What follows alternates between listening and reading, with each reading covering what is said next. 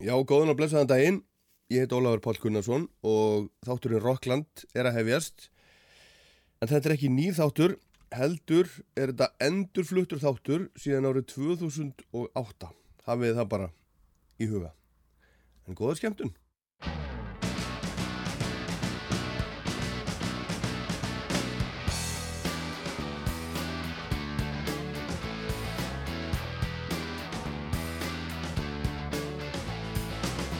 Komið sæl, þetta er Rockland og ég heiti Ólafur Pól Gunnarsson.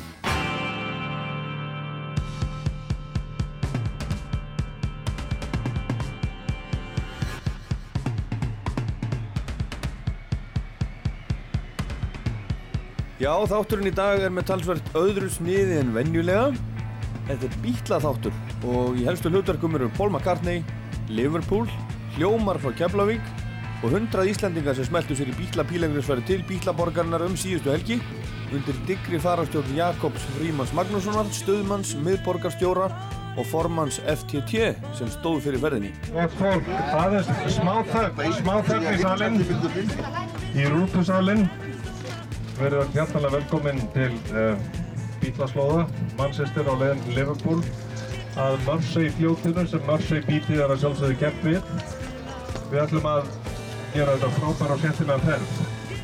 Við erum sem sé öll hér, það var hópur sem fór í morgunni gegn London, hann er búinn að tjekka inn á Adelphi hóteli, þetta sögufræga hótel sem að þessi fyrstu drauga John Lennon voru lögð á fóröldrunum Fred og Julie þá 14 og 15 ára gamlum.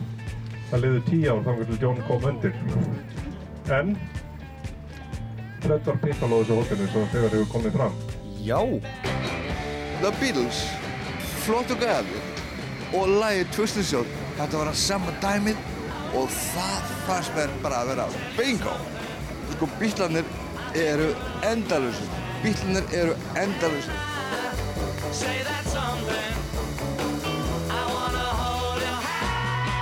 Já, um síðustu helgi smeltu 100 Íslandingar sér í bítla pílagrinsferð til fæðingaborgar bítlana, Liverpool þar sem þetta allt gerðist á sínu tíma, þar sem Mercy bítið átti upptök sín. Það var FTT, félag tónskálda og textahöfunda sem stóð fyrir ferðinni til um 25 ára amali félagsins í ár og FTT bauð almenningi líka að koma með og það var hellingur á bítlaðadáðundum sem að nýttu sér það, en það var minnstakt tækifæri að ræða. Magical Mystery Tour, bítlaskoðunarferðum Liverpool, Sgt. Peppers, sjó í Cavern klubnum, hátíðar kvöldverður á Hard Day's Night, bítlahótelinu í Liverpool þar sem fyrstu umbóðsmaður bítlana var heiðisgestur, tónleikar með Paul McCartney og Anfield Road og síðast en ekki síst, tónleikar með sjálfum hljómum húnum íslensku bítlum. Í Cavern klubnum 44 árum eftir að þið spiluðu þar fyrst árið 1964 og þar slóðuðu líka sinn loka hljóm sem við vissum ekki. Og þessari reysu ætla ég að gera skil í Rockland í dag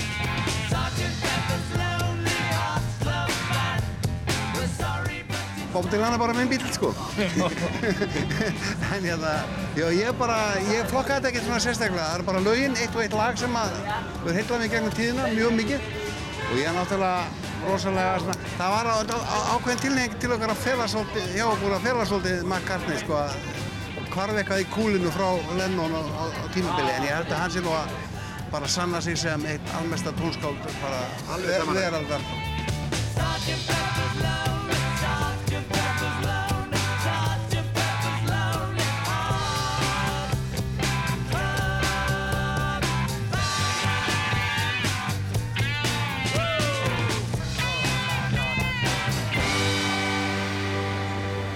stendur hérna fyrir utan, utan hérna, Britannia Adelphi hótelið og við erum á leiðin í ferðina miklu, Magical Mystery Tour og, og, og hérna er ég með svona einhvern bækling yfir uh, Mark Asbury Beatwear, Liverpool, England Original Styling from the 60s hérna eru svona bítla född og bítla skór og hér er ég með sérfræðingin Steina Eggers. Uh, Þú veist allt um bítla skó Sko, og hérna eru svona ýmsar típur af því Þetta er eins og típur, og sko bítlaskór, uh, hérna uppalega Chelsea Boots, er bara uh, Chelsea Bouncer og Bouncer of Chelsea. En til þess að verða bítlaskór, Hvað svona einkennir þær? Það, það eru uh, támjóar og, og fara svolítið upp á, á kalvan sko. En til þess að vera ekta bítlaskór, þá, þá þarf að vera kúpuhæll undir þeim sko. Og hvernig er kúpuhæll? Kúpuhæll er svolítið hár og mjókkar svolítið niður. Svona, þetta er næstu því eins og, eins og fertu kona sem að fer í, í háhælaða skó en þorir ekki að, að hafa of háa til? Já, plus. eins og ég var að máta á þann. Já, er, já. Svo er hérna sko, hérna eru, sem sagt- þetta eru svona, svona bílaskór hérna, klassik. Þú segir að það sé ekki málið, þetta er, það er, það, það er ekki hæll á því. Nei, klassik var það sem að þeir, þeir byrjaði á svona klassik en svo hérna funduður út að kúpahællin gerði á svolítið hærri loftinu sko. Já, já. Æ, þetta eru bara menn á hæðu okkur. Og hérna er Original Chelsea og svo er Cavern típa hérna. Já, kafentýpuna þekkir nú eiginlega ekki neitt sko. Já. Og svo er það High Point. High point, hann er náttúrulega, þá er hann orðið dálítið hærri, þá er hann konið með kalva sko. Og, og Lennon þe- þetta hérna minnum mér nú bara á hérna stígvillin sem, að- sem að Batman var í. Ég held að Batman hljóta hafa lært þetta af Lennon. Já. Og Zip Boot, að það er rennilás á þeim. Hérna, Já. innum einn. Já, þetta er sko fyrir þá sem fá þaksýrugift að, að hérna, ef þau fara að bólna mikið, þá geta það rendiður rennilásnum. En annars á ekki að vera rennilás á þessu. Þetta er bara svona, tegið sig aðeins út. Og svo er það hérna allir þessi jakkar. Shea Stadium, Tan Jacket og 60s Crombie Style Overcoat. Þetta Shea- er bara bíla alveg. Já, Seistedium, þar voru að haldið miklu hljómleikar á sín tíma, sem að fjölminn svo tónleikar sem bílnaði hafa haldið og þá voru þeir allir svona galla. Ætlar að, Svona, svona, hvað var maður að segja, svona drapplitaður. já, ætlar að kaupa eitthvað? Já, ég ætla að fá mér eitt eða tvö pöru skó Skómu, við veitum. Og kannski eitthvað meira. Lars, sjá hvað ég fæ góðan afslátt þjóðan sko. Já, segir bíla skó sérfræðingurinn Þorsteinn Eggertsson.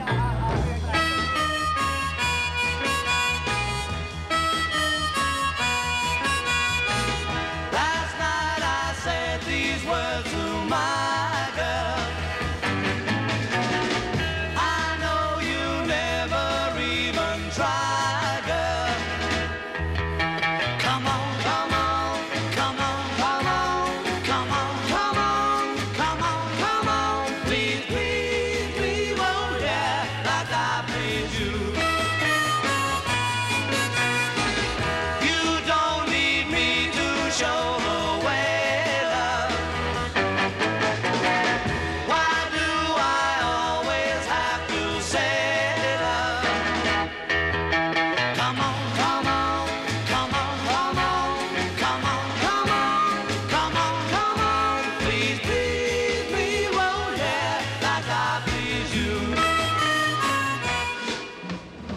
Þorgir Ástvaldsson. Já.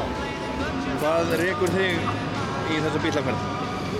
Eh, Það er myndin sem að ég fekk var smelt á náttborði hjá mér á þeirri fermdist var af fjórum strákum frá Liverpool sem voru með greittu fram og var eitthvað sem að var nýtt og, og reymið og, og hérna þetta mynda bílum, hún er ennþá á skrifborðinu hjá mér Já. Ekki á náttúrunum? Eh, nei, hún fór yfir á skrifborðið en, en, en, en sko hvað sem manni lí, líkar það betur eða vera þá haf, hafði þessi strákar mikil áhrif á líf mitt ekki bara sem sem, já, sem, sem unglings maður var að maður bara tilengaði sér allt sem að við kom þeim og, og já, spilaði í ljómsveitum og spilaði lögin og maður bara leitaði eftir öllu því sem var, var bíl Já. svo náttúrulega eru þeir svona tákbreytinga bara í, í, í heiminum. Breyting á, á þjóðfélagsháttum og, og það er alltaf margir aðrir hafi komið til en þá, þá eru þeir svona að þeir eru tímanna tákn. Og uh, nú er ég bara að fara og alltaf láta teima mig hérna bara eins og hvernig annan, annan Eins og rollu. eins og rollu eða túrhest. Og uh, ég ætla bara að njóta þess í einu öllu og, og þykja allt sem mér er sagt og að mér rétt og, og, og hef bara eiru vel opinn ég, ég hef búin að löngu búin að við erum lengi langa til þess að, að fara svona fara svona ferð. Skoða, þú er aldrei komið yngi áður eða hvað? ég hef aldrei komið hingað áður. Það er skrítið. Ég hef oft, oft til eh, Manchester London en einhvern veginn hefur liðbúl alltaf orðið undan þó maður sé að við áhuga á fótboll og bílunum I get high when I see you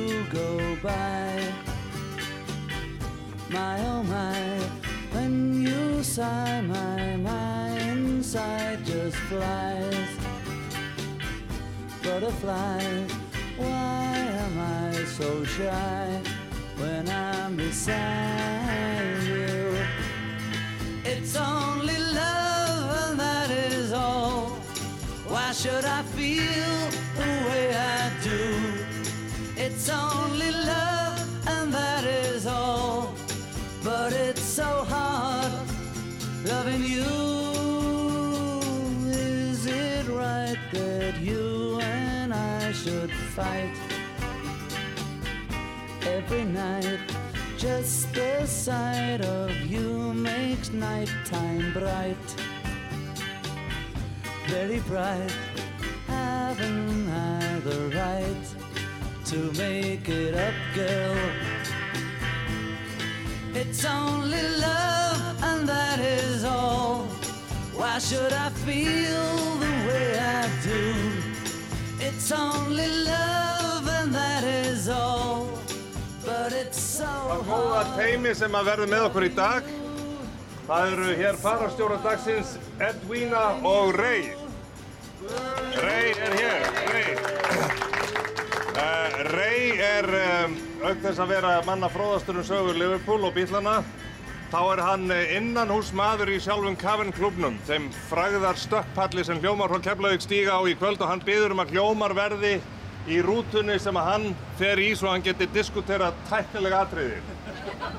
Edwina á sér langa sögu í bílinu og uh, hún verður í aftar í rútunni og það er í rútan sem konundar verða í.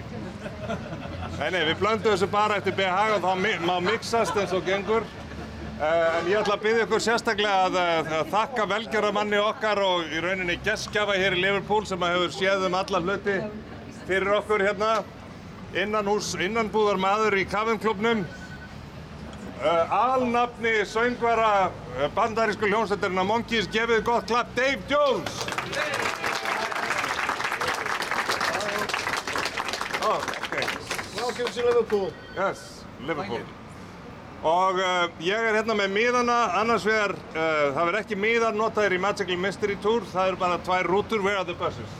That way. Ok, en uh, ég er með miðana fyrir bæði Sgt. Peppers tónleikana og McCartney tónleikana og ég mun afhenda þá í rútunni bara á leiðinni.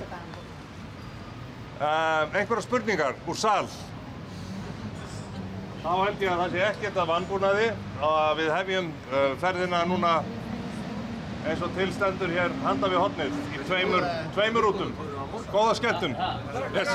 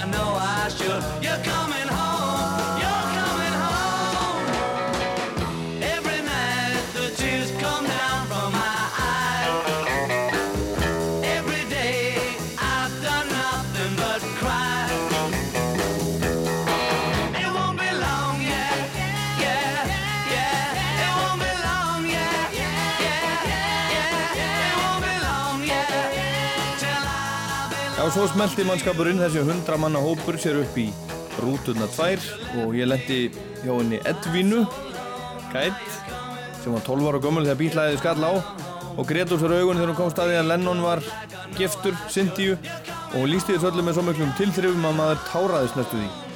Marg oft.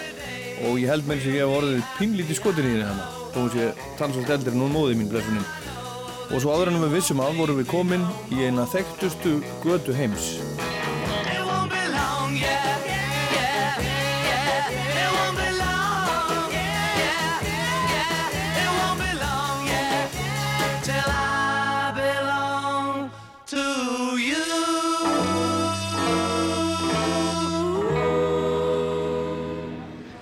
Sverri, nú stöndum við hérna bara á Penny Lane Já, Hvernig líður þér?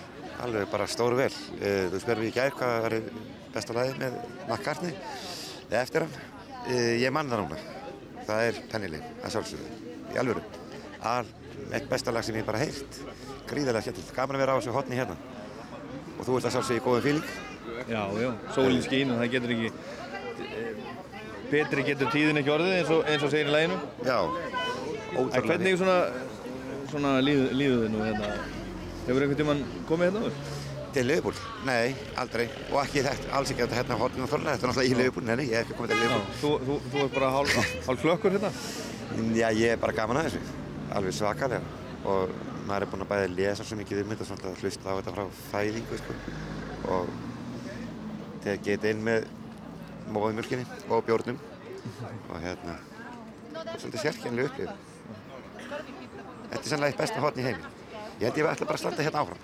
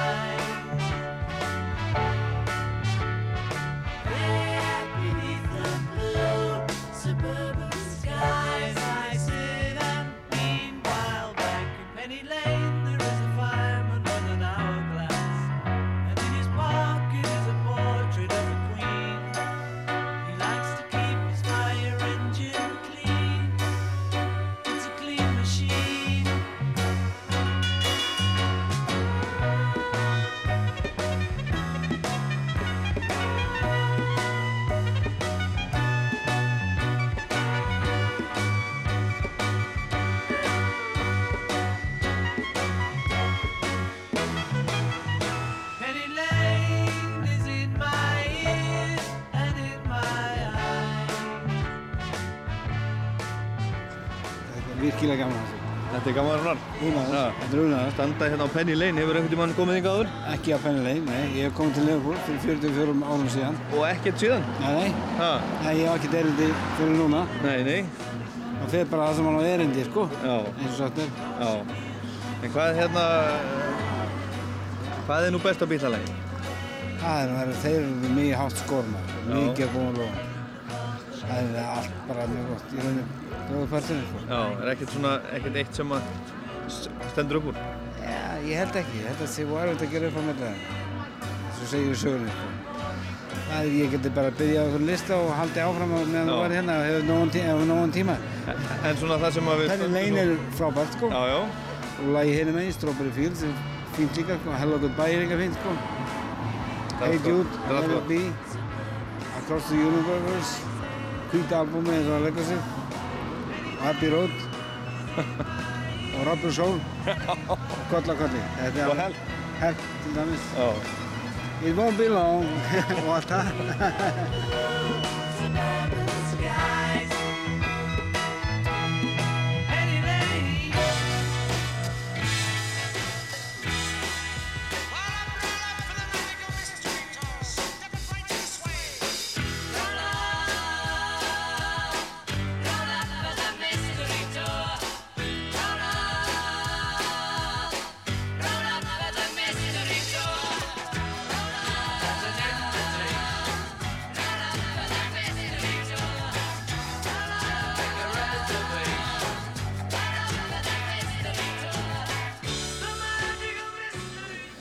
Tryggvi Hugner, hérna stöndum við bara fyrir utan hús Harrisons, það sem hann ólst upp.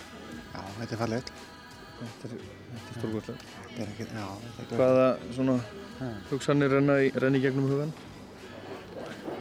Já, Harrison, hann var, hann var náttúrulega stóð alltaf svolítið í skugga hérna þeirra félagana, sko, en hann, hann var frábært tónlistamæður og fínir skítalegari, skal ég segja þér. Já, Alveg fyrir gríðilegu gítalegari. Alveg mjög svo. En, Og réttum maður, réttum stað. já, er hann, hann þinn uppáhalds bítill kannski? Já, Það er, það ég held það. Já. Allavega allavega upp á skítalegara minn í bílunum. Já, Já. en hvar er hann Og svona... svona, þú veist, hann var líka með þessi indversku áhrif og svona, sem að mér fannst rosalega skemmtilega. Ég held að það haft gaman að indversku tónlistinni. Já, já. En, svo, en svona því að þú ert nú gítarleikari svona í, í, í hérna, röð gítarleikara svona uppáhalds númer, númer, númer hvað er hann svona sir, cirka í röðinni? Já, sko, ég get nú alveg sagt því það, bílarnir náðu mér aldrei á sínu tíma.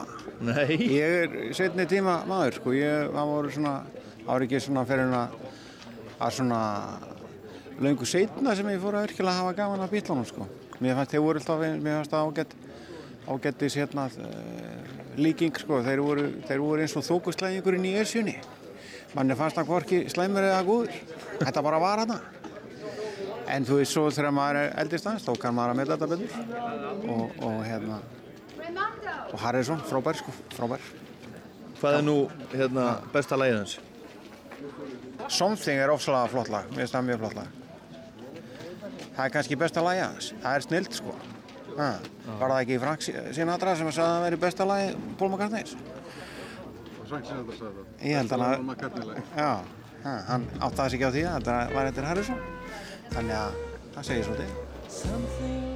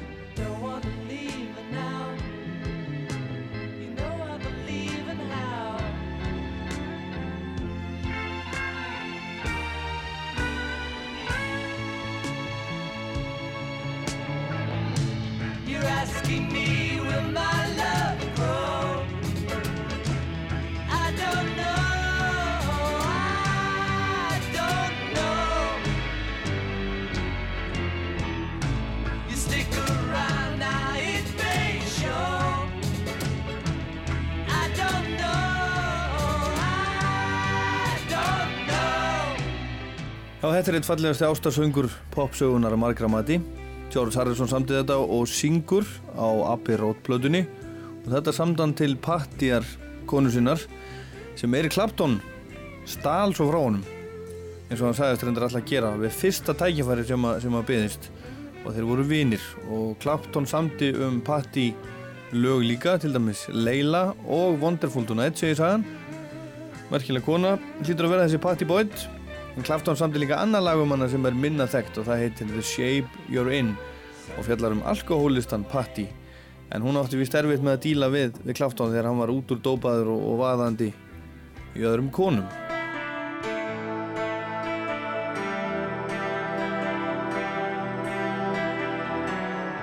Hello, this is Chris, the singer of Coldplay, and uh, you're listening to Raustver, and the program is Rockland.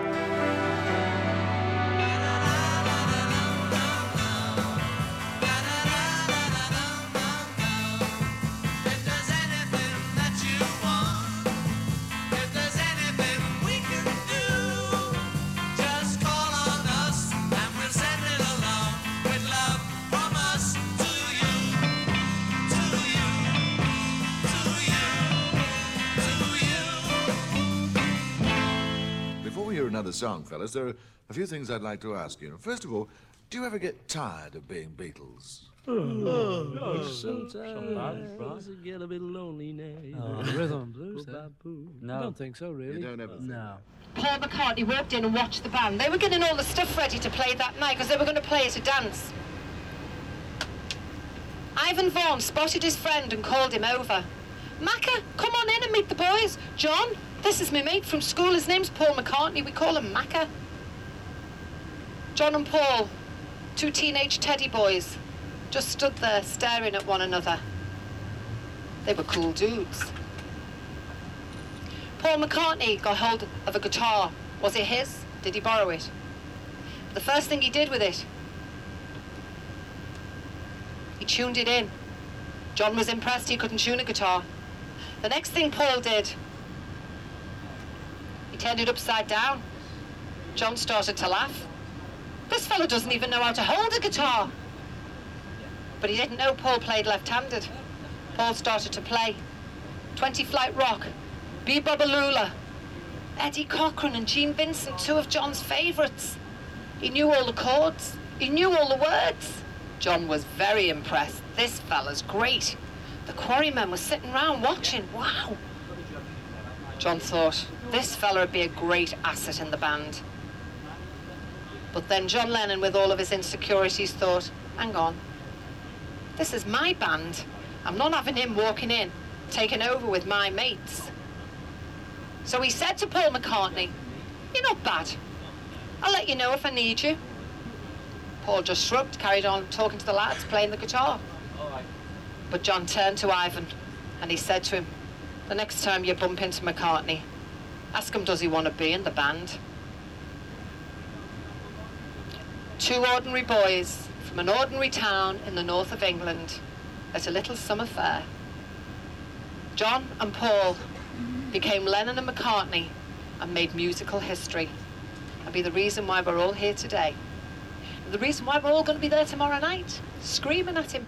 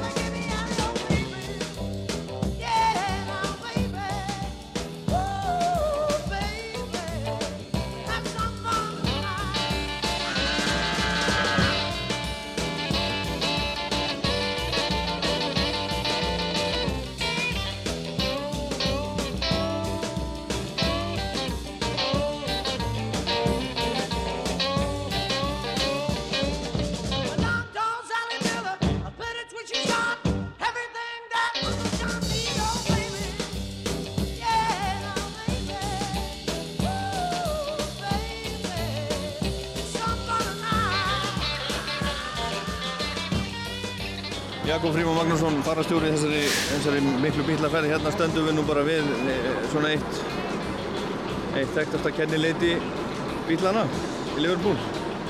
Strawberry Fields. Já. Þetta vekur nú minningar og tilfinningar, væg að sagt. Já.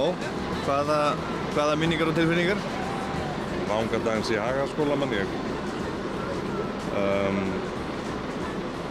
Hvítorbakka heiskapur þar sem hafa tekið kaffilhí og lægið var spilað linnulaust á 45 snúningablötu minni mig.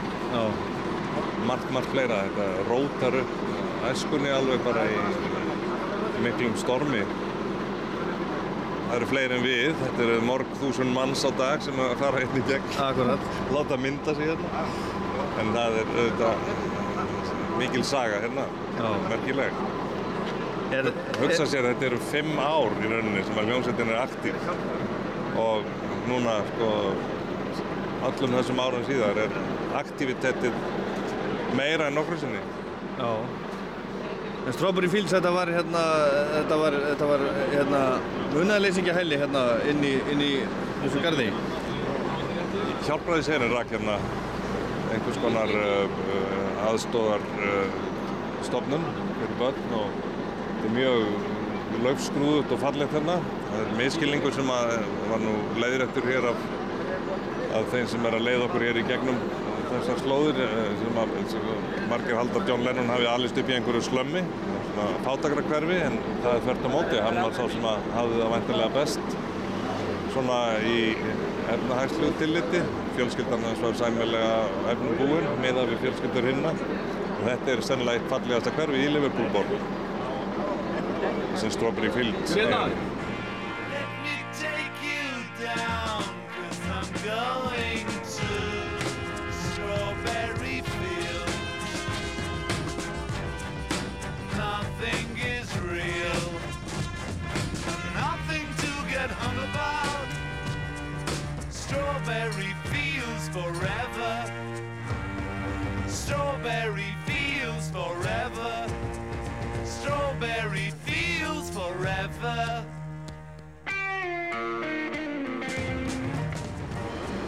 Hér lék hann sér í þe þessum garði. Hvað ætla hann hafi verið að gera hérna? Mm, hann mun hafa mest sveindóminn hér og kveikt í fyrstu síkaretunni. Það er allavega hann að segja okkur Edwina. Edwina, you, can you confirm that John Lennon uh, basically lost his virginity here? Look, I can only tell you what I was told. And it, I was told that by one of his closest friends. So, allegedly, allegedly, he lost his virginity here. He probably smoked cigarettes here and he drank here because he was a teenager. What do teenagers do? They come here, he played his guitar, he came with his friends, they'd sit around maybe having a drink, having a smoke, and play his guitar. Who was the girl? Don't know her name. Don't know her name. Could you find out, please? I think there'd be lots of girls, don't you? I think how many girls do you think would admit to it? How many girls would want to say, hey, it was me? A lot. These are the original gates of the building. Weren't they stolen? They were stolen. And as it happened, I was the person who I arrived at, at the gates to see that they were gone.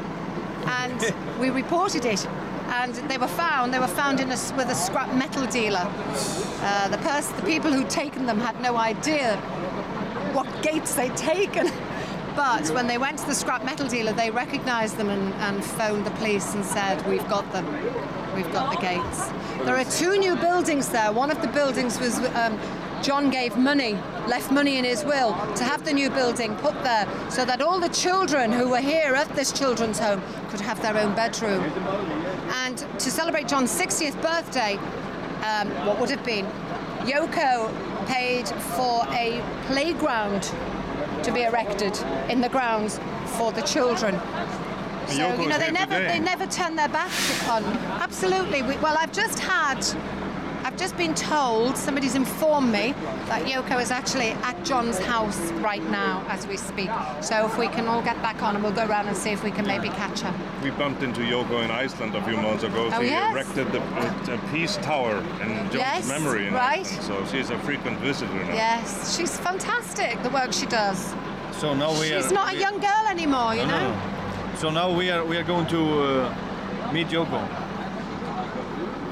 We might see Yoko, I don't think we'll meet her. You must be Yokoing. you must be yoking, absolutely.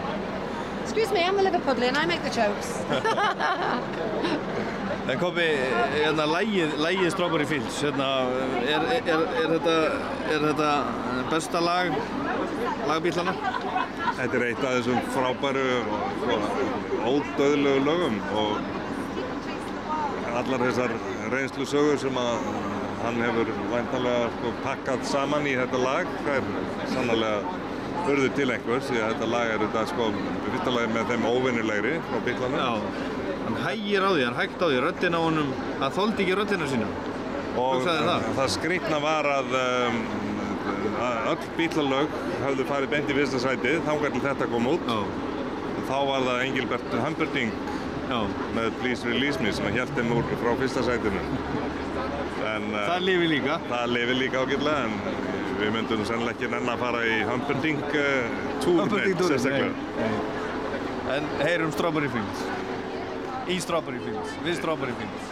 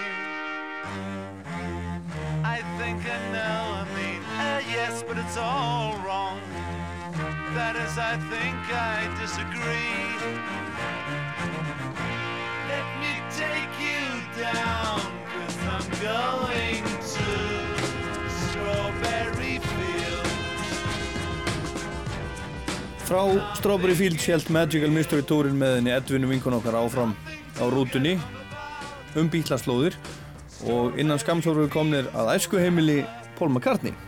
Þar býr náingi sem að passar upp á þetta og, og selur inn til sín. Minnir talsvert á Paul en hann þverr tók fyrir að vera skildur hún. I'm Johnny Halliday. There's a famous French pop singer called Johnny Halliday. But he's not the real Johnny Halliday. No. His name is Jean-Philippe Smith. I am the real Johnny Halliday. Don't take any Im- imitations, okay? This is the real one. Okay, thank you. Thank you. Paul's bedroom was the window over the front door there. Jim and Mary, mum and dad would have slept in the main bedroom. The main bedroom is kept locked as my private room. But every now and again I sleep in Paul's bedroom. You're going to do it, aren't you? You know, don't know if I'm supposed to. Yeah, I'm just, I think I can hear a car coming. I don't want anyone to get knocked down. The blood's very difficult to get off the off the road. yeah, so uh, there's a famous photograph of Paul. It was used as the front cover of his Chaos and Creation in the Backyard CD, taken through the dining room window. We've actually got that photo by the dining room window and in the back garden, if you look out the window, there's washing and even a deck chair. So it recreates the photo exactly. People used to sit on the deck chair because they wanted to copy Paul and one day a rather large gentleman sat on the deck chair, it snapped in bits. he wasn't hurt, but because everyone laughed, he was furious. He was shouting at me, nothing to do with me. So when you come on the tour, if you ever do, you can walk on the grass, but don't sit on the deck chair. Uh, to book a ticket, we're booked up this week, obviously solid. Uh, you can ask in the 08 place and you can book online. You can even print your own ticket, whatever online means. Watch out for the car. The only thing I ever do online is hang me washing out. okay, nice to meet you all. I hope I passed the audition. Oh, yes, thank you very much. Thank you. It was nothing.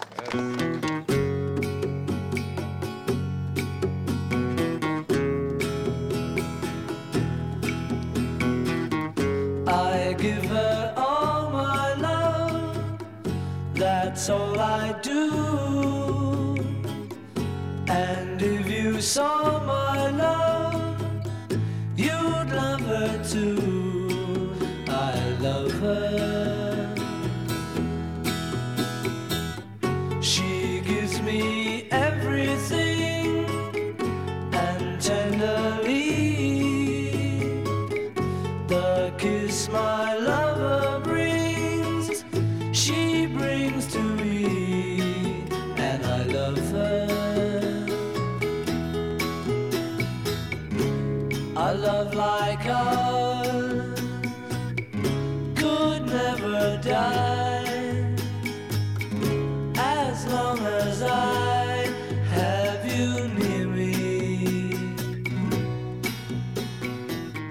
Hérna ferðarfélagum mínum hérna í þessari ferð er, er, er bolli, kendur við 17, en ekki lengur.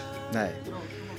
En núna, núna stöndum við hérna fyrir utan, utan esku heimili Póls. Þarna inni í þessu húsi sömdu þeir hundra lög segja þær. Um það vel. Love me do, allt þetta. Frábær músík. Hvernig líður hérna? Mér líður rosalega vel. Það er hérna, ég var rétt 14-15 ára þegar maður var að taka þetta beint í æð. Alveg beint úr ofninum og tók þátt í þessu öllu. Og bústlega góði tímar og gaman að vera komin í það. Já. Hefur þú komið hérna áður? Nei, ég hef oft komið í til Liverpool-aður, ekki, ekki svona bíla Nei. mekkaferð. En sko, uh, ég hef búinn að vera hérna bíla aðdáðandi alla mína æfi sko, en ég náttúrulega upplýði þetta ekki svo þú þegar þetta var splunku nýtt. Getur þú líst þessu einhvern veginn sko, fyrir mér og öðru sem að uh, svona, tók ekki þátt í þessu? Sko þetta gerist sko eins og vírus að verða, við verðum öll unga fólki sko um allan heim heldtekinn af þessu.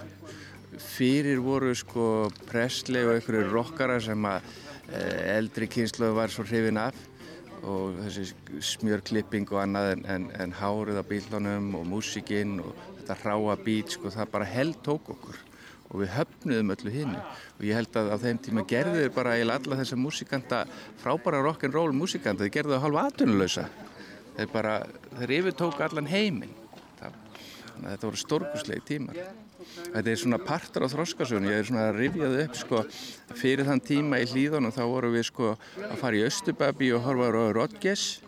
Og síðan allt inni kemur Hardest Night í Tónabíó og þar með var Róður Rodgers og öllu hent og það var ekkert aftur snúð, það var bara The Beatles. Að vísu sneri ég við þeim svo bakinn og fóru yfir í Rolling Stones. Það er neð þá lengra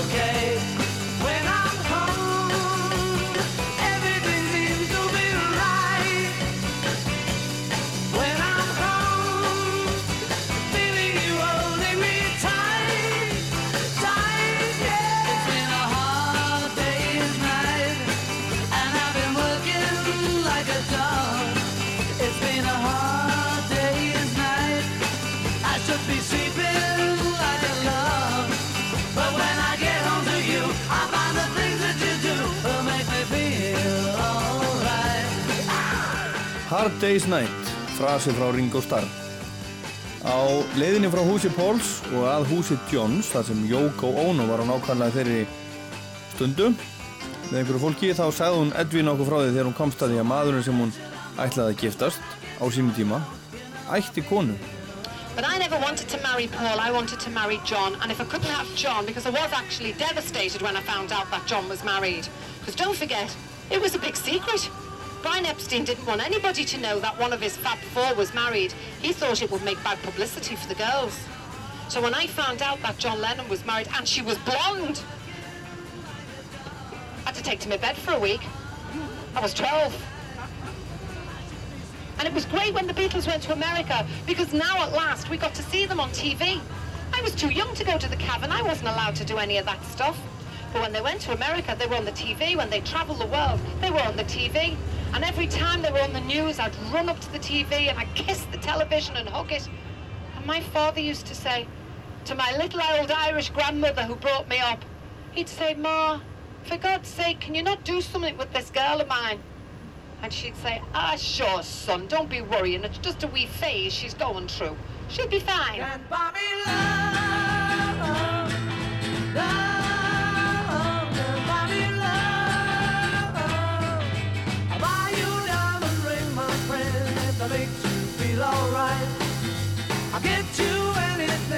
Friend, if it makes you feel I don't care too much for money, but money can buy me love. I'll give you all I've got to give if you say you love me too. I may not have a lot. to give what I got, I'll give to you. I don't care too much for money. Money can buy me love, can buy me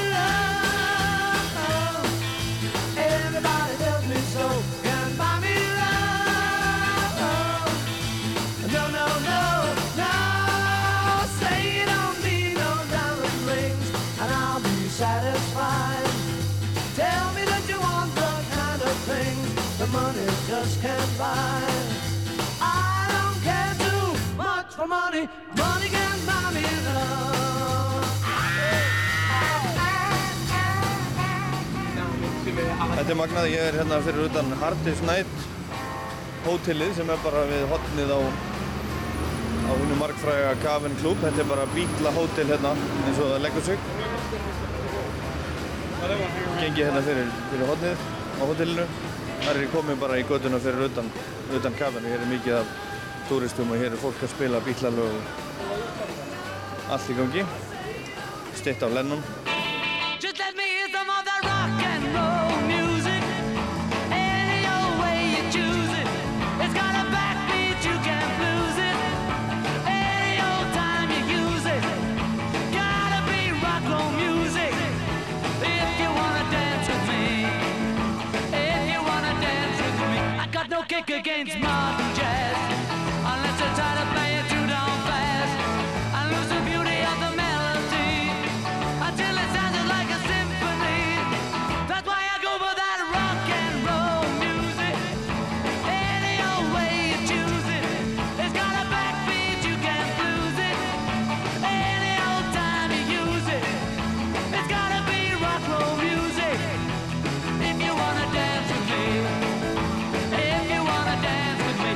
Rock'n'roll music já, eftir Chuck Berry sem er einn af frumkvölum rocksins, einn af þeim sem bygguð þetta form til, sem hefur hrifið stóran hluta mannkins síðan þá. Einn af þeim sem kendu bítlónum að rocka og hann er enn að rocka, verður 82 ára síðan á þessu ári. Og fyrir ykkur sem ekki viti hvað er að gerast í Rocklandur í dag, þá erum við á bítlaslóðum í Liverpool, þar sem ég var síðustu helgi í 100 manna bítla pílagrinsferð. Var farið á tónleika með Paul McCartney á Anfield Road og á Hljóma frá Keflavík í Cavern klubnum í Liverpool. Og það átti svo eftir að koma í ljós að þetta voru allra síðustu tónleikar, hljómleikar, hljóma. Kom betur á því og eftir. En það sem var næst á dagskrá, eftir ég lappaði fram hjá Hard Day's Night hótelinu og niður Matthew Street, var að sjá í Cavern klubnum, setni tíma hliðarsal reyndar, Sgt. Pepper's Show.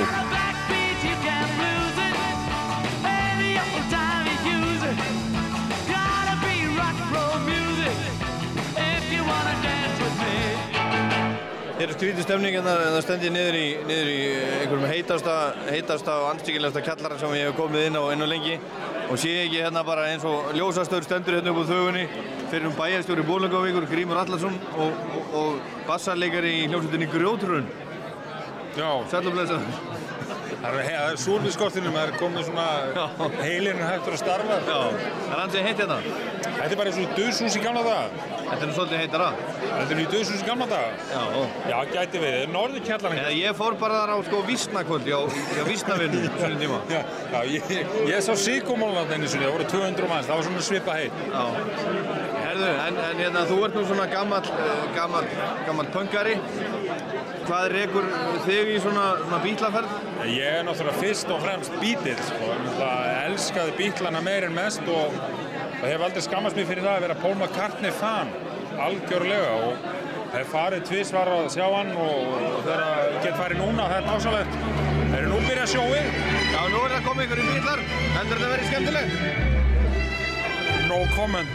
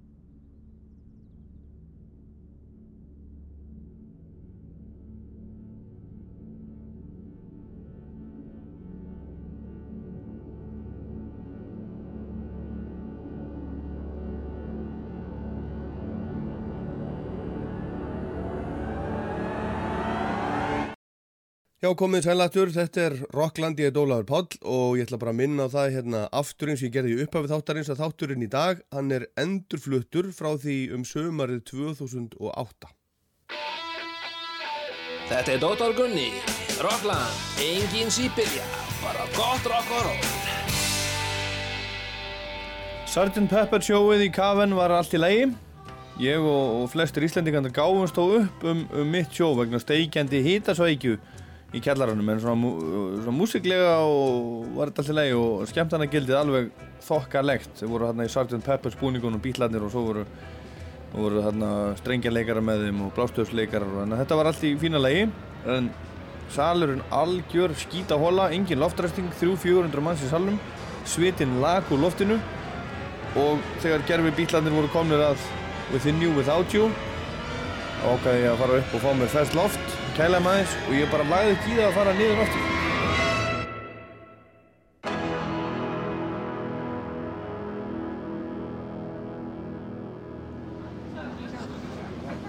Já, þetta erum við að gangi fyrir utan Hardis Night hótelið, Ellingur Björnsson Ja, þetta var náttúrulega ekki hérna þegar ég var hérna fyrir 44 Nei. árum síðan sko. Hvern, hvernig var umhórsina þá?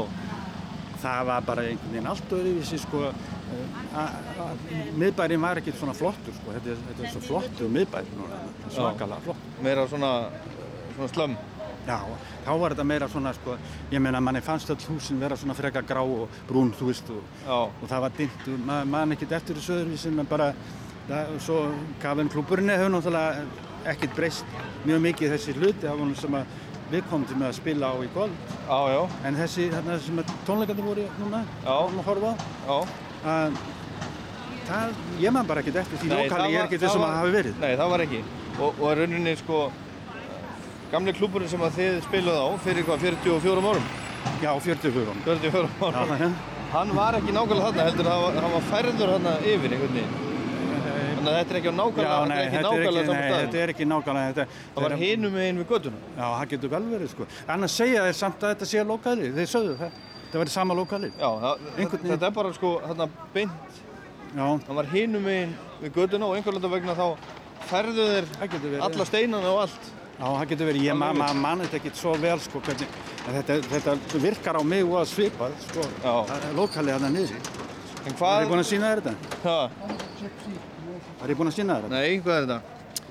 Þetta er hérna, hérna Cavern membership, card. sem að expiring uh, 31. desember uh, 1964 rann át. Já. Há, hérna, ég gerist meðlumir í Kafin Já. 17.9.64 og það er ammaliðstæður hérna konna mína. Já, já. Ég vissi það ekki fyrir núna í dag ég fór að kíka á þetta, eða gær. Já, það hefði hitt svo ná. Já. Já. Svo er hérna með hérna, áriðum, áriðum frá hérna, Ray Ennis, þetta er hérna, Swinging Blue Jeans voru á hótelinu, um leið og já. við, á þarna.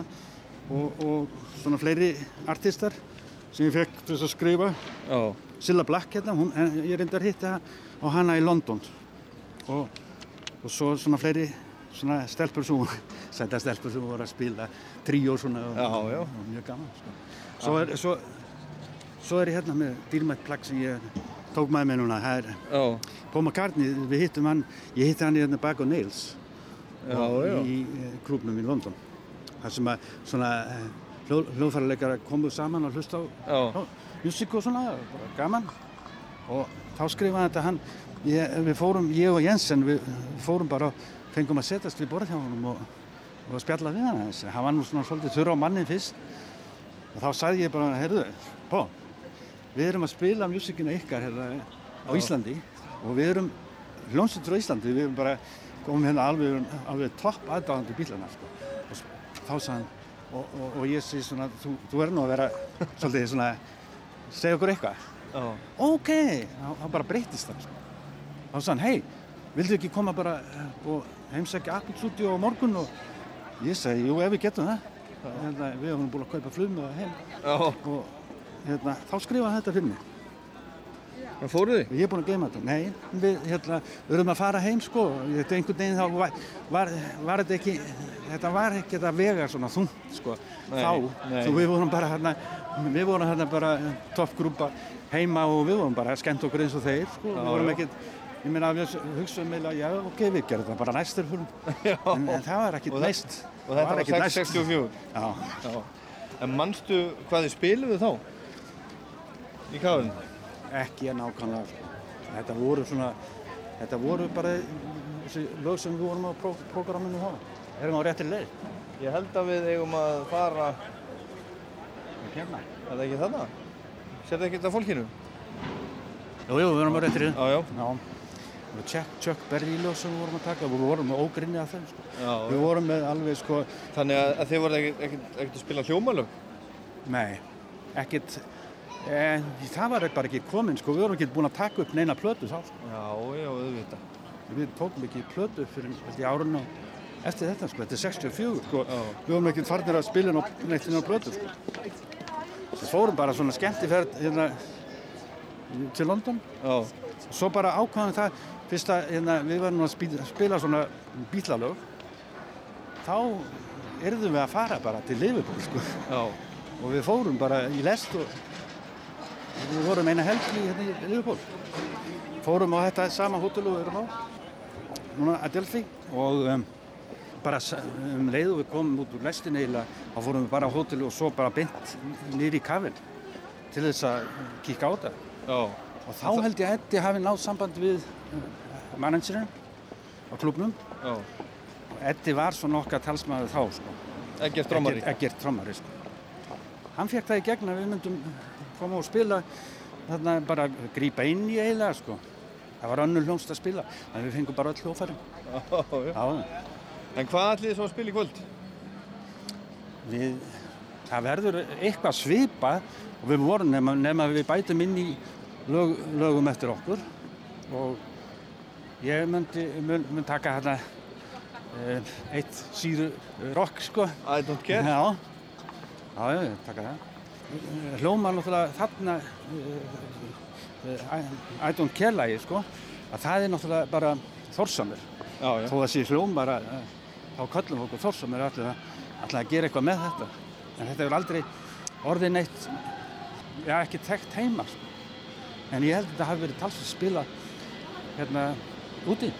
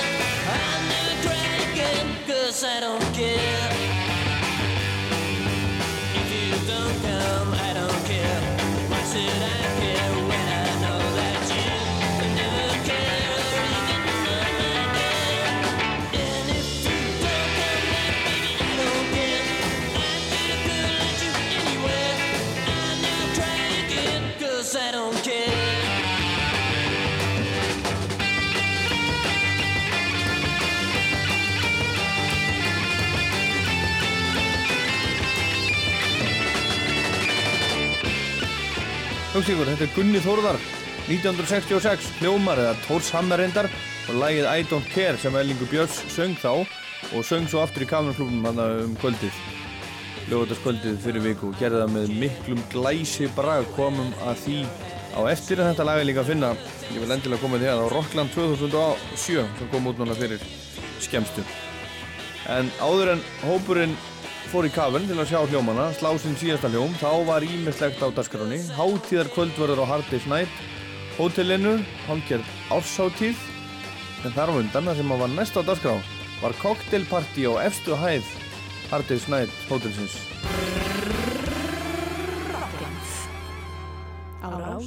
Hérna stöndum við upp á, upp á, upp á fjórðu hæð á Hard Day's Night hótelinu út á Svölum í, í Lennon svítunni. Gísli Helgason stendur hérna hjá mér. Sæll og blessaður. Blessaður. Eh, Nú, nú ert þú nú aðalega svona, svona þegar ég hugsa um Gísla Helgason þá sé ég þið fyrir mér svona með flautu í Vestmannegjum. Já, já. Svona og í svona vísna tónlist, en ertu mikill bítill? Já, sko þegar ég var pegið svona 10-11 ára þá voru það bara tvær hljómsveitir sem komast að það voru Bílarnir og Rolling Stones. Já. Og ég var bíla megin og held alltaf með þeim og við nefnilega sko pegjar löndum hver annan ef annar var bíla megin og hinn Stones megin. Já, já, já, þú varst einn af þeim. Já, nema þegar ég fermdist þá kom þarna lagið út I Can't Get No Satisfaction Já. og við spilum þá á fullu blasta þegar við fórum í kirkjunu. Já, var það? Já. Já, já. En hvað hefur svona eftir þetta, eftir, eftir unglísárun og svona, hvað hefur tónlist bítlana svona skipa mikinn sess í þínu lífi? Þínu Ég- músiklífi? Bara mjög eh, hérna, ef ég spila eitthvað á flautu þá tek ég alltaf fram ykkur bílalög. Já, já. Og það er náttúrulega sérstaklega eitt lag sem er mér náttúrulega mjög kjært, það er þannig að Fool on the Hill. Fool on the Hill, það, það er náttúrulega flauta í, í Það því. er blokkflauta í því. Já. Og það kom svo saga á, komst svo saga á Kreikvöldi eigin að ég hefði spilað lagið með bílanum. Ég var ekkert að draga neitt úr því. Nei, nei. Og var frægur að endum fyrir hérna í halvan dag fyrir þetta, svo komst allt upp. Já, já, já, já. Þannig að sko bílarnir, þeir hafa skipt sköpum í minni tónlist, finnst mér. Og sérstaklega að fá bara að upplifa að koma á þessar slóðir. Já. Ég er alltaf gert grína þeim sem að hafa dyrkað eitthvað og bara fengið mani yfir því að komast á slóðir þeirra, en ég held ég sé hættur því. Þú ert hættur því núna? Og eins og þegar maður kom að húsinu sem að George Harrison bjó í, Já. mér hafast það upplifun. Og svo þegar maður horfið á húsi sem að eh, Paul McCartney bjó í og eins John Lennon, sko, maður bara táraðist.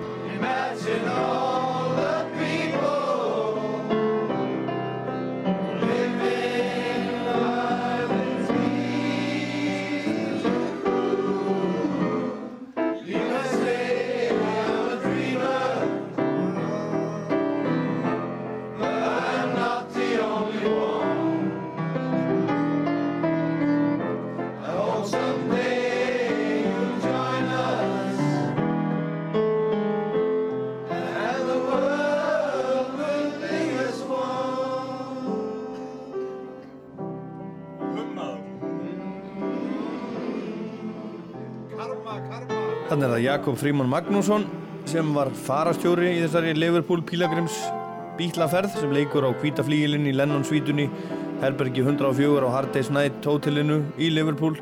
Og allur hópurinn 100 manns gerði bara eins og Koppi segði, söng með. Sverrir Stormsker og allir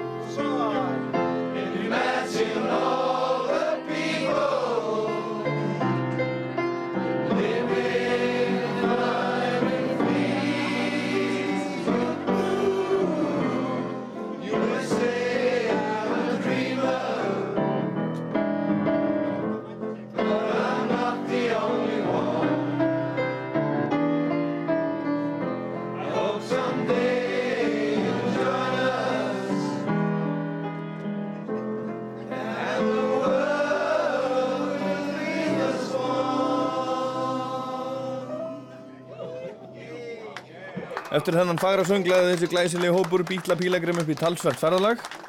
Frá fjórðuhæðinni á Hardis Night hótelinu og alla leiði niður í kjallara þar sem Jakob Frímon stjórnaði svo glæsilegri þrýrættari veislu og þar var heiðurskerstur Alan nokkur Williams. En hann var fyrsti umbóðsmaður bílana en svo kom eitthvað upp á og hann saði skili við á strákana og um sviparleiti kom Brian Epstein inn í líf þeirra og það var hann sem gerði þá að mega stjörnum I actually told Brian Epstein I'd finished with the Beatles, and I finished up uh, very badly with them. And Brian Epstein went and saw them playing at the Cavern, and he fell in love. Maybe because they were all in leather gear and he was gay, uh, had an influence, yeah. So my advice to him was, I said, don't touch them with a fucking barge pole. Obviously he didn't listen, but it killed him in the end. All right. Jesus. Want to hear an Icelandic song? Sure.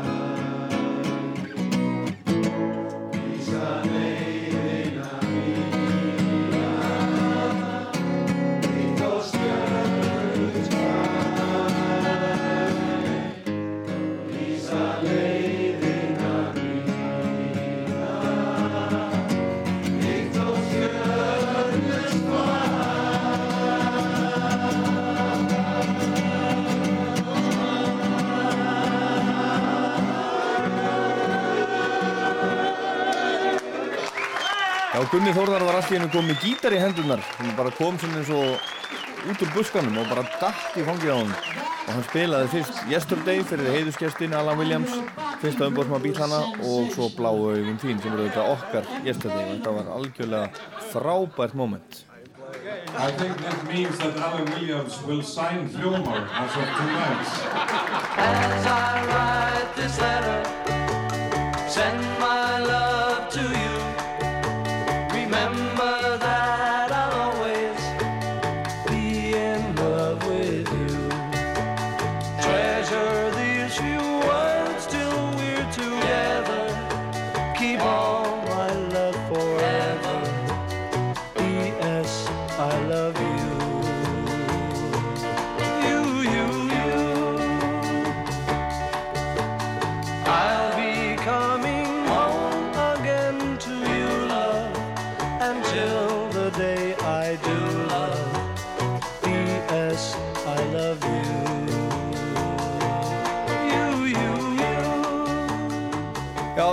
það var mikil ást í þessari bíla bílegrímsferð allan tíman. En eftir súkulæðakökuna þarna í þessum flotta dinner á Hardest Night hótelinu náði að draga gamla umbóðsmannin Alan Williams aðeins fram á gang hennar smávaksna og gráharða Liverpool nagla sem sagði í veislunni að hann væri mesti lúser í heimi. Maðurinn sem sagði skilið við bílana rétt áður en þeir eruðu heimsfræðir. Yes, uh, but I'm the happiest loser in the world because all the famous people are all dead and I'm still here. Uh, and I promise you I will outlive Paul McCartney also. How old are you? Okay, why not? Nobody knows me in Iceland. 78. 78. How did you meet them? I had a coffee bar club uh, called the Jacaranda, and they used to hang out in my coffee bar. They were in the college, which was about five minutes away, and I used to let all the groups from the 50s and 60s rehearse in my basement for free because it wasn't being used. The Beatles knew this, or Paul McCartney and John Lennon, so they used to come down just to listen. They played, uh, they missed their lessons and used to hang around my club. Uh, we called them coffee bar layabouts uh, because they had no money and all they did was bum free drinks. Can you imagine Paul McCartney bumming a free drink? so well, that was true, yeah. Uh, they were very young. Even then, they had a charisma. All the girls loved them, and because they were broke, uh, the Beatles bummed off them. Yeah, free drinks, only coffee, because we weren't licensed for alcohol. Yeah, but it was a lovely atmosphere in the '60s. We didn't know we were making history, for God's sake. We just were a fun-loving atmosphere. Yeah. I didn't give them away. Yeah, I told them they'd never ever work again. My famous quote. Yeah. Why? What happened? Uh, they they played a dirty game on me. Yeah. How?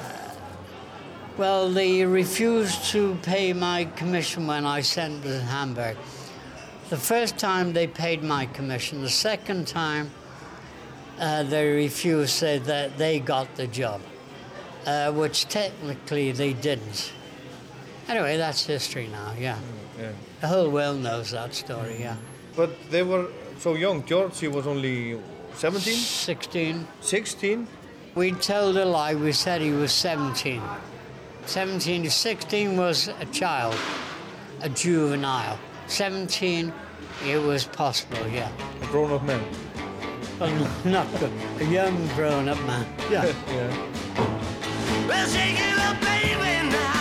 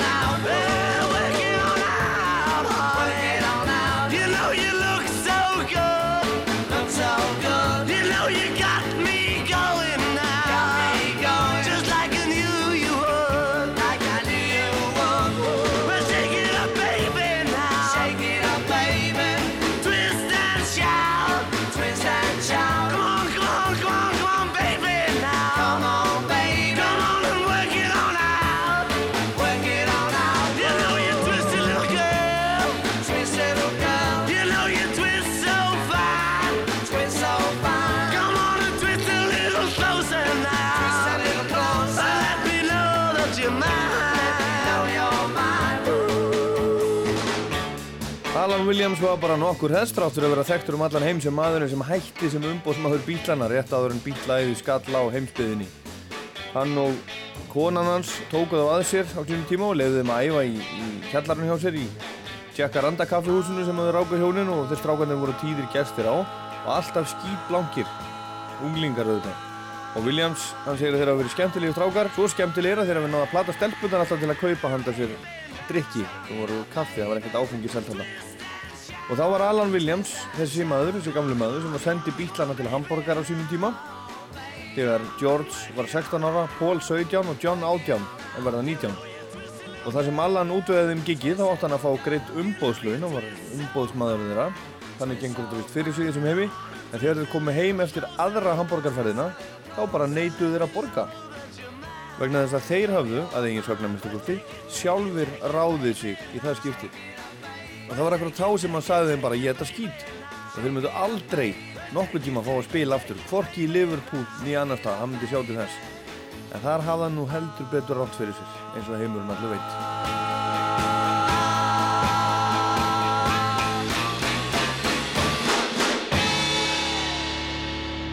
How did you feel when they became the uh, Famous. biggest band in the world?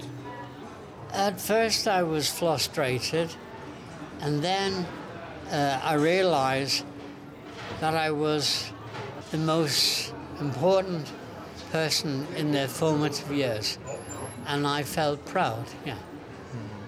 So, uh, yeah, I was a cog in the wheel of the history of the most famous group. Now, how many people can tell you that story? I was there when nobody else wanted to know them. There were coffee bar layabouts, there were bums, and I saw something that nobody else saw. And that nobody can take away from me. That's why I sent them to Hamburg. When they came back to, from Hamburg to Liverpool, Beatlemania. And did you uh, stay in touch with them? Not really. I'd moved on. I'd opened uh, a swinging club, and they refused to pay my commission. And I said, "Who needs this fucking hassle from a Tupper Saintly group?" They weren't famous then. That was my big mistake. Yeah. But I was there. Yeah. Who was your favorite Uh, John person? Lennon. He was your favorite person? John Lennon, and Stuart Sutcliffe, the fifth Beatle. There are so many people claiming to be the fifth Beatle. Brian Epstein is supposed to be the fifth Beatle. I'm supposed to be the fifth Beatle. But the fifth Beatle was a Beatle. In my day, there were five Beatles. The only genuine fifth Beatle was Stuart Sutcliffe, a beautiful person, uh, very quiet, very sincere, not a very good musician, that's why they got rid of him. He was John Lennon's best friend. But even John had to give in because Paul McCartney said, This guy can't play, we have to get rid of him. And so, unfortunately, even, yeah, Paul had to agree, yeah. How was John? What kind of a person was he? Oh, he had uh, a very aggressive uh, personality. He had a king sized chip on his shoulder. I know why. He had a very unhappy childhood. Very unhappy. He was brought up by his Auntie Mimi because his mother didn't want to know him because she was having an affair. He really was screwed up. Really was screwed up.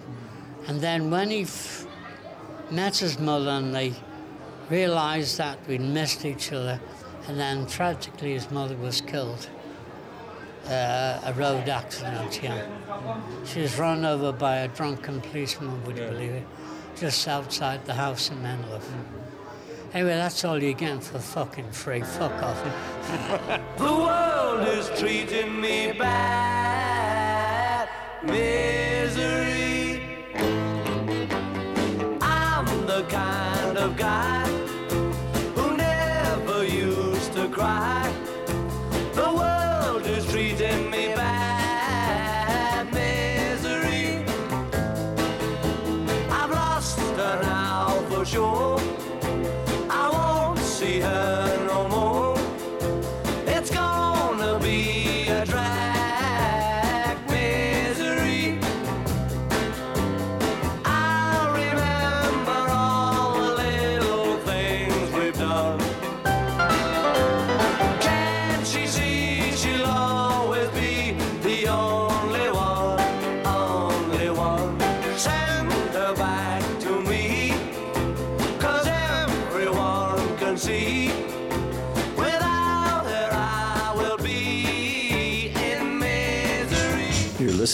Rockland on Roustford, and this is Mike Lowe the Beach Boys saying, stay tuned.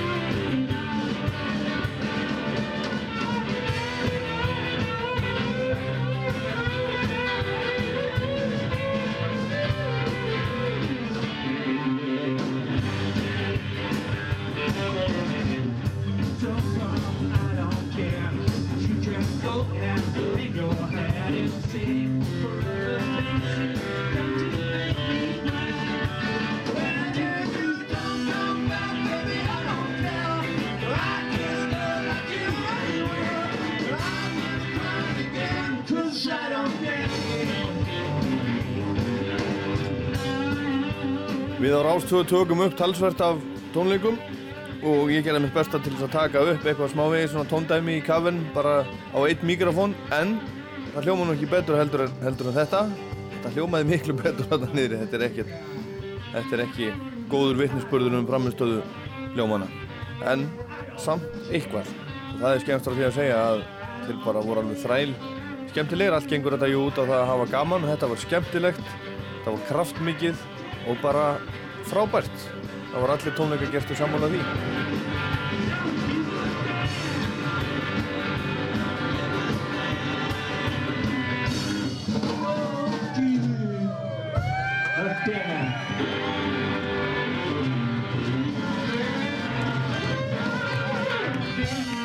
Tryggvi Jónsson, hvernig voru hljóman? Veistu hvað, alltaf landsæðir að spila síðast. Þeir voru frábærir og ég man ekki eftir að séð Gunnar Þórðarsson í því formi sem hann er í kvöld. Það voru algjörlega með þetta. Bjartmæði Guðlaugsson, hvernig fannst þið hljóman? Bara ferlega flótið maður. Gaman aðeins og það sem að kom mér á óvart sko, það er einhver algjörlega ný hlið á Gunnar í Þórðarsinni. Hann gjörsamlega brilleraði í kvöld, algjörlega og hann var bara, var einhver hendris komin í hann og ég held að Gunni sé bara, ef hann heldur svona áfram að þá verðum við sittu uppi með mestu 50 árin sko, er hann. Allir voru þið flottir mann, æðislir. Fabula. Mér finnst þeir yndislegir og krafturinn í. Já, það var óbúslega skemmtilegt. Gunni fór alveg á kostu. Það var hans kvöld. Bolli Kristinsson, hvernig voru hljóman? Geggjaðir. Hvað kann inn í þessu? Þeir voru alveg geggjaðir og það er alveg opbúrslega gaman. Þetta verður ekki gert aftur. En Við fengum síðasta dreytilinn úr flöskunni. Þorgir Aftansson. Já, ég hef ekki séð Gunnar Þórðarsson sko, taka Jimi Hendrix, Keith Richards og George Harrison í einu pakka í 30 ár. Alveg frábært. Hann tók kvöldi, hann var, hann var kongurinn kvöld og heyrðir alla taktana saman í einum pakka neðstáðstreinum og uppi, tógað og tegði sko. Liðið þetta unga liðið breska þetta sem stóð og gafti, byrju, where is that old man from? Já, ég vil líka bæta því að Rúni var alveg stórkustlegur þó að við munum hann aðeins hérna meiri fjör í honum að það var kúlið í lagi hjá Rúna Júl, hann var stórkustlegur. Jæja, Þorsteinn Eggertsson. Rosalega flottur og sérstaklega tók ég eftir því hvað Gunnar Þórðarsson var líflegur. Ég hef sjaldan síðan líflegri og það er bara eins og hann er heima hérna í kafinn. Uh, það var hægt að orða í gamla þetta að, að, að þegar hann var í stuði þá sett hann aðra, aðra löpuna fram en hann var bara, sko, hann var náttúrulega í miðunni og hann, ég hef aldrei síðan standa sér svona vel. Fyrir auðvitað það að hann söng alveg helling sjálfur. Það voru báðar, báðar lappirna fram? Já, báðar lappirna fram. Söng mikið og náttúrulega Gunnar, eins og ég ótt sagt, er frábær söngari og naut sín út í æsar í kvöld.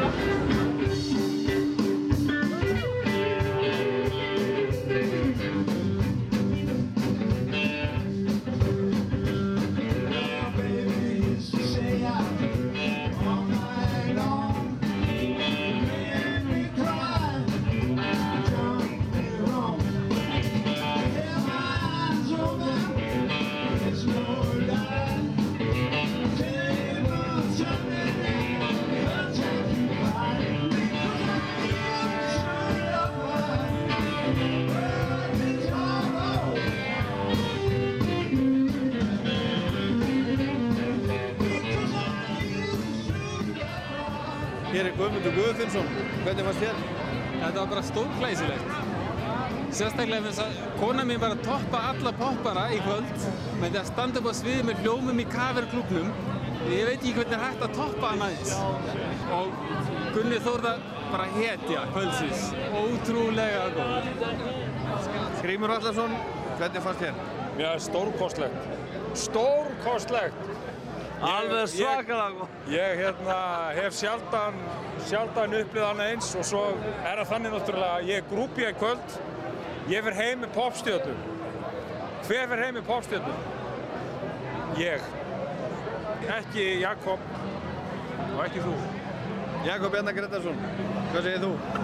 Heyrðu, ég bara, bara, ég bara veit ekki hvað ég var að segja, sko, en ég held að ég verði bara að segja það alveg nákvæmlega eins og það er, að ég er, eh, það er nú kjánalegt að segja stoltur, ég vissi þetta svo sem alltaf, en Gunnar Þórðarsson er á pari við á stærstu, hann er bara sjúklega góður Gunni Þórðar, vá! Örn Andrésson, hvað segir þú um hljóma í kvöld? Þið voru frábæri. Og ef ég sé á svona þetta sko bara í sko mörg ár sko. Óttar Felix, hvernig fannst þér? Þetta var voðalega fínt. Gunni Þórðan eins og þú sást var í gífurlegu stuði og menn, menn myndust á það hér í, í kvöld að elstu menn að þeir hefði ekki séð hann svona góðan í 20-30 ár. En hann alveg fór fyrir sínum flokk eins og sannur herfóring og alveg reyfði það áfram. Þeir sprungu út eins og blóm. Þetta var, var mjög gott. Hi, my name's Matt. My name's Dominic, and uh, we play in a band called Muse, and you're listening to Icelandic National Radio 2, and we're on Rockland.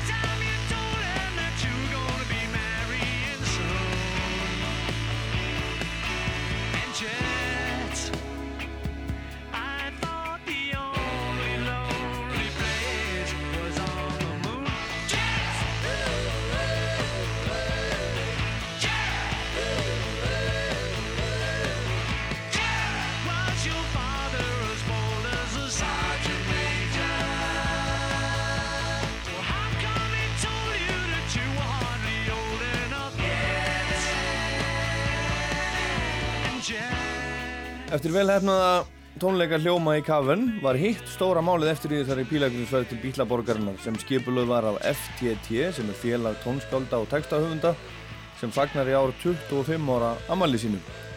En hitt málið var að sjá Paul McCartney sjálfan spila á heimavelli Anfield Road í Liverpool og það var svolítið, svolítið magnað. Það voru tvö uppbytunarbönd sem spiluð á undanunum annars vegar Sutons frá Liverpool og svo Kaiser Chiefs frá Leeds sem bæði þessi bönd hafa spilað hérna á Iceland Airwaves á undanfjöldum árum. Þeim var vel tekið, það voru svona 36.000 manns á, á tónleikonum og stefningi var auðvitað magþrungi þegar Paul mætti á sviðilóksins og byrjaði á Hippie Hippie Shake lag sem hann er búin að vera að syngja í bráðum hálfu öld. Og svo kom þetta sem höfður minn undir Wingslægi Jet. Og svo kom hver smellurinn á fætur öðrum Drive My Car, Flaming Pie, Got To Get You Into My Life Let Me Roll It My Love sem hann tilengaði Lindu sinni heitinni. Come On, The Long and Winding Road. Dance Tonight Blackbird, Calico Skies. In Liverpool Follow the Sun, Eleanor Rigby Something sem eru þetta eftir, eftir George Harrison. Svo spilaði Penny Lane, Band on the Run og þá kom Dave Grohl úr Foo Fighters og spilaði með honum á, á gítar. Svo var það Back in the USSR og þá ferði Grohl sig yfir á trommurnar. Svo kom Live and Let Die, gamla Bond-lægið og það lag var skreitt með rosalegri flugveldursýningu Let It Be fylgdi kjölfarið og svo Hey Jude. Og eftir Hey Jude þá þakkaði hann fyrir sig og sagði bless. En var klappaður upp auðvitað eins og eins og gengur að gerast og þá spilaði hann Yesterday. Og svo kom svolítið óvænt A Day in the Life sem eru auðvitað að megninu til eftir eftir Lennon. Og hann kláraði ekki lægið hann fór út úr því yfir í Give Peace a Chance sem var alveg magnað. Þá kom Lady Madonna og svo I saw her standing there og þá kom Dave Grohl aftur og spilaði með hann á trommur. Og það var mikið að frægu fólki þarna á þessum tónleikum auðvitað.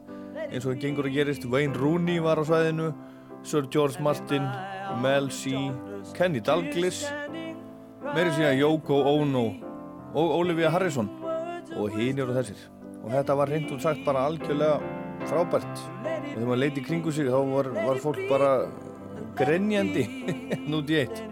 Flestir áttu að mista eitt svona svolítið erfitt moment á þessu tónleikum ykkur finnst það kannski skrítið en svona er þetta bara And when the broken hearted people living in the world agree, there will be an answer, let it be. For though they may be parted, there is still a chance that they will see. There will be an answer, let it be.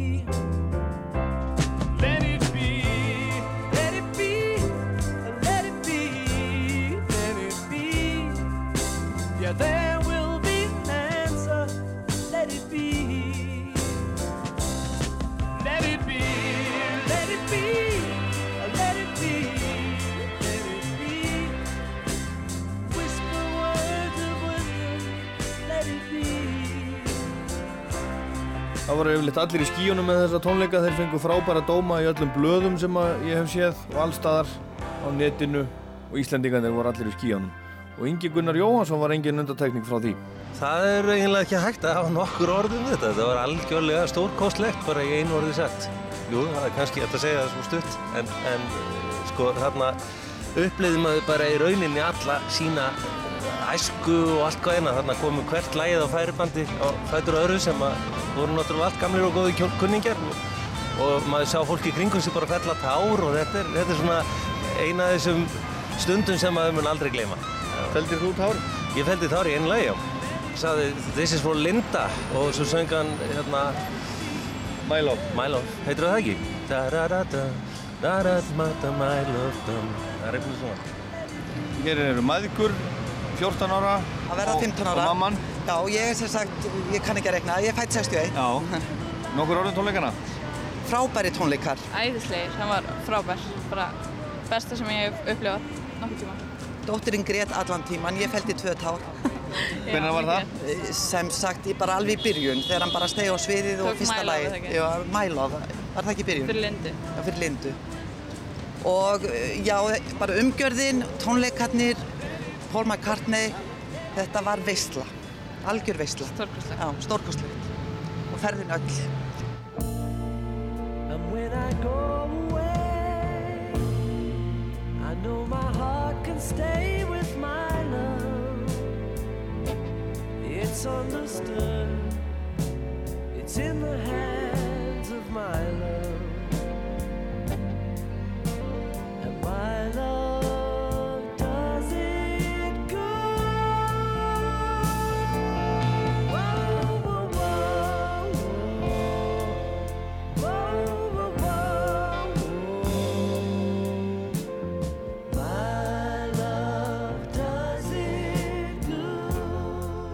Hér eru hjón frá Keflavík Nokkur orð um tónleikana?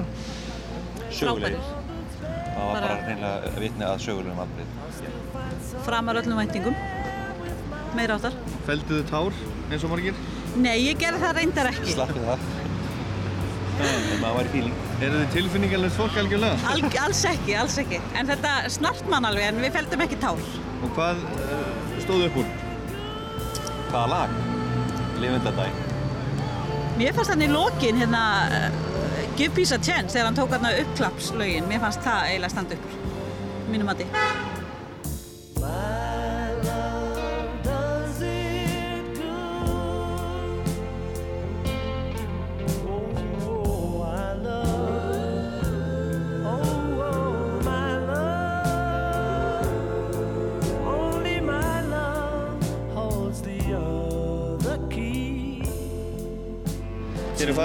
Ragnars Nokkur orð um tónleikana? Ég bara, sko, Ég er launfæður hans, ekki, ekki sko bróðfæður hans.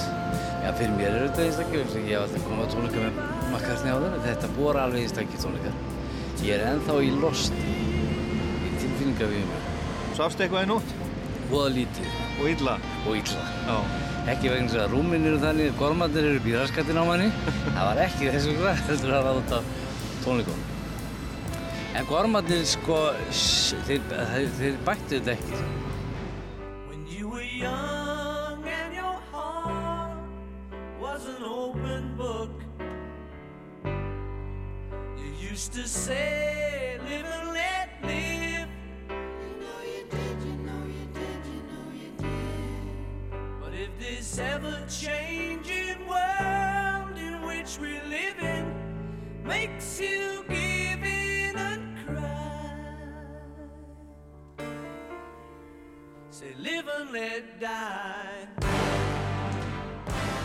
Nokkur orð um tónleikana strókar? Bara frábæri, frábæri. Það er ekkert eftir að sjá held ég. Þetta er bara búið. Meiri Bara háttar. búið spil, þetta var bara, bara meiri háttar. Alveg hreint, ég hef aldrei trúið að ég ætti eftir að upplifa þetta og þetta var alveg toppurinn af mínu lífi. Já, ég segja það sama og þarna var sko, þarna fekk ég sönnum fyrir því að hann er sá besti og flottasti. Eru þið búin að býja eftir þessu lengi? Já. Já, kannski, en maður aldrei trúið því að maður ætti þetta eftir að upplifa þetta. Það er málið. Þess vegna er þetta svo spennandi og gott. En það voru, það voru margir sem að, sem að feldu tár. Eru þið í þeim hópi? Nei, Nei, ekki svo leið. Nei, Naglar? nei, nei, við erum bara naglar. Já, já, já, já. En, þetta, en sko, he- þetta kemur samt við maður, maður fær svona Já, já. gæsa og maður fann að, gæ- þú veist, Maður fær fyrir- og, maður og fær sjá hann. fiðring Já, og, allt það sko og, og, og, en, en, en ekki jú, tár. þetta hefur ekki tár, kannski, en þetta Nei. hefur svona áhrif á mann. Þetta er bara glæsilegt. Þetta, þetta, þetta, ég þakka bara fyrir þessa ferð og þeim sem stóðu að henni og þeir, eiga mikla þakkir fyrir.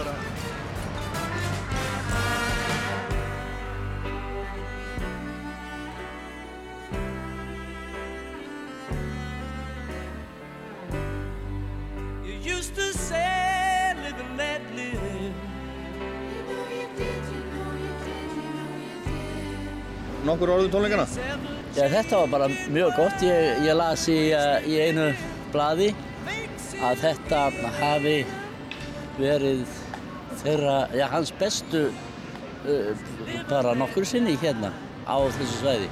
Og það eru menn sem hafa séð á all, all nokkra. Þetta eru fyrstu sem ég sé og uh, ég er ekki tissa á að, á að þetta sé talið það besta.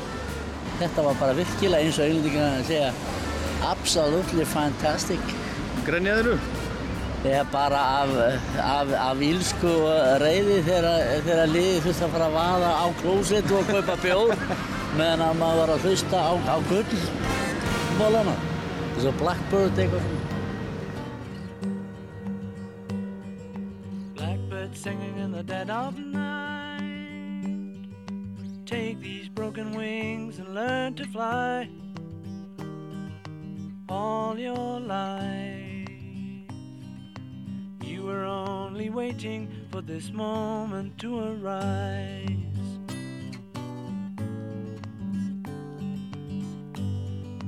Blackbird singing in the dead of night. Take these sunken eyes and learn to see all your life. You were only waiting for this moment to be free. Blackbird fly. Blackbird fly into the light of a dark black night. Hér er Tryggvi Jónsson, uh, kaupsýslumadur er það ekki? Er það ekki bara svo leiðis? Stundum kendur við baug.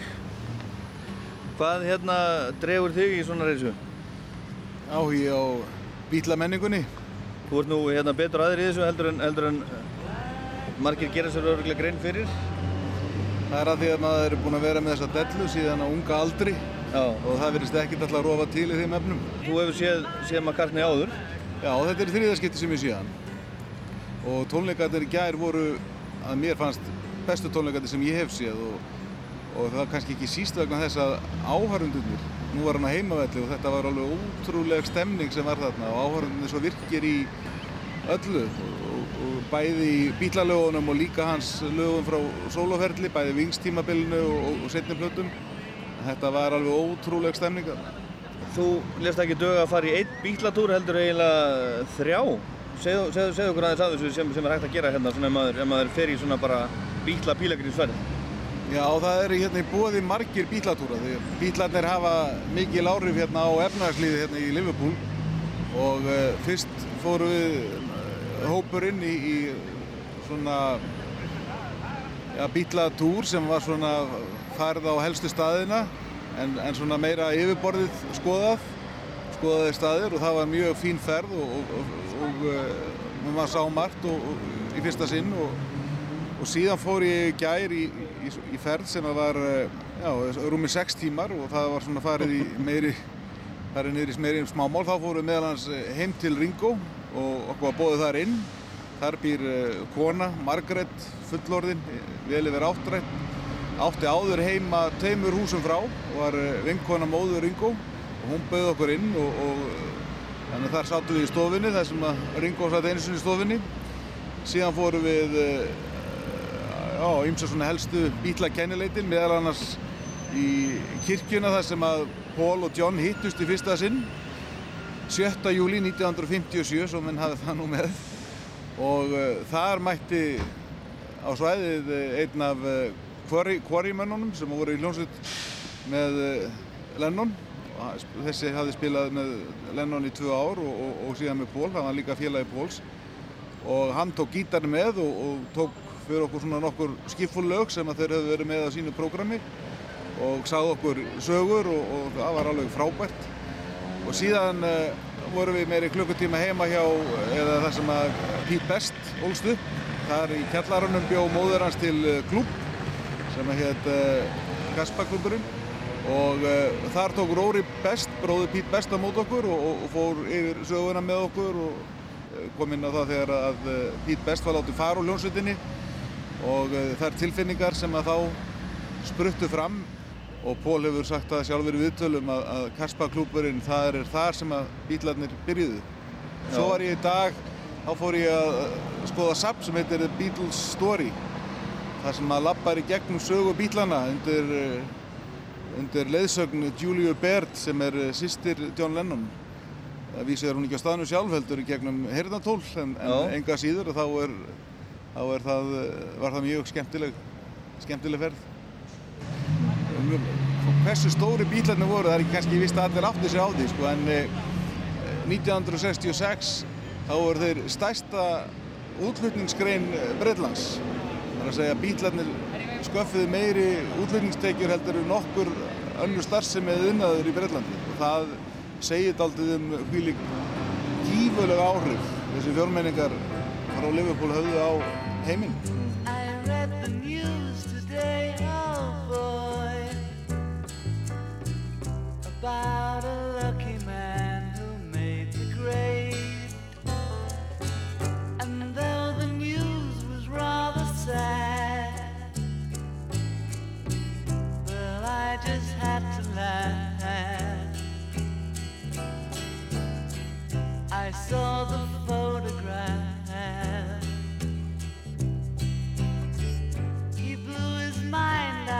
in a car. He didn't notice that the lights had changed. A crowd of people stood and stared. They'd seen his face before. Nobody was really sure if he was from the House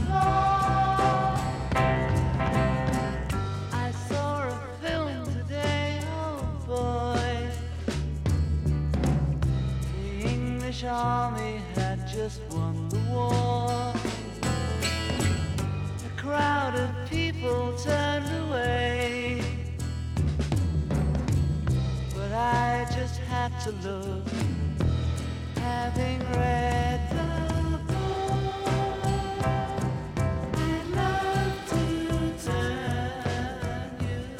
Aðalsteinn Ásberg, stjórnamaður í FTT. Þú ert upphásmaður af, af þessu mikla æfintýri. Já, það er nú vist. Það er, mjög stoltur af því vegna þess að þetta hefur verið svo skemmtileg ferð. Og það kom þannig til að við vorum að ræða það hvað við ættum að gera á ammælisárun okkar. Og þá bara svona stakki upp á því bríari hvort við ættum ekki að fara bara á söguslóðir og heimsækja hér fæðingar borg popsins. Og svo vart þetta bara upp á sig. Jakob tók svo við, Jakob Fríman, og útsetti hugmyndina. Og þannig var ferðin svona raunveruleika. Þetta hérna, vart upp á sig smátt og smátt. Við byrjuðum bara að hugsa, þú veist, gaman væri að fara til Liverpool og, og hérna skoða hér söguslóðir. Og svo kom hitt allt saman svona í kjölfærið. Við vorum auðvitað fyrst og fremst að hugsa um okkar félagsmenn en það kom fljótlega í ljós að við gátum auðvitað fengið, hérna, hún þurfti að vera svolítið stærri, við áttum ekki vonað að þeir því líkur fjöldi félagsmanna sem að myndi endilega koma með okkur en þeim stóð þetta fyrst til bóða og svo þegar það voru laus sæti þá ákvæmum við að bjóða það almenningi að kosta því að kaupa sæti og þá voru margir sem nýttu sér það. Já.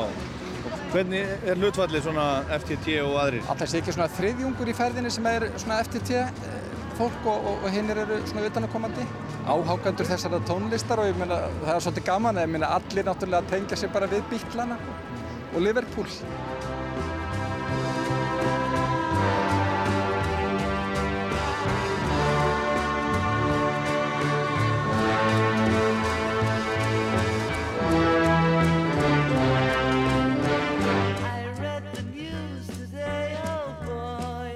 Þannig var nú það og þá er þetta bara að verða búið.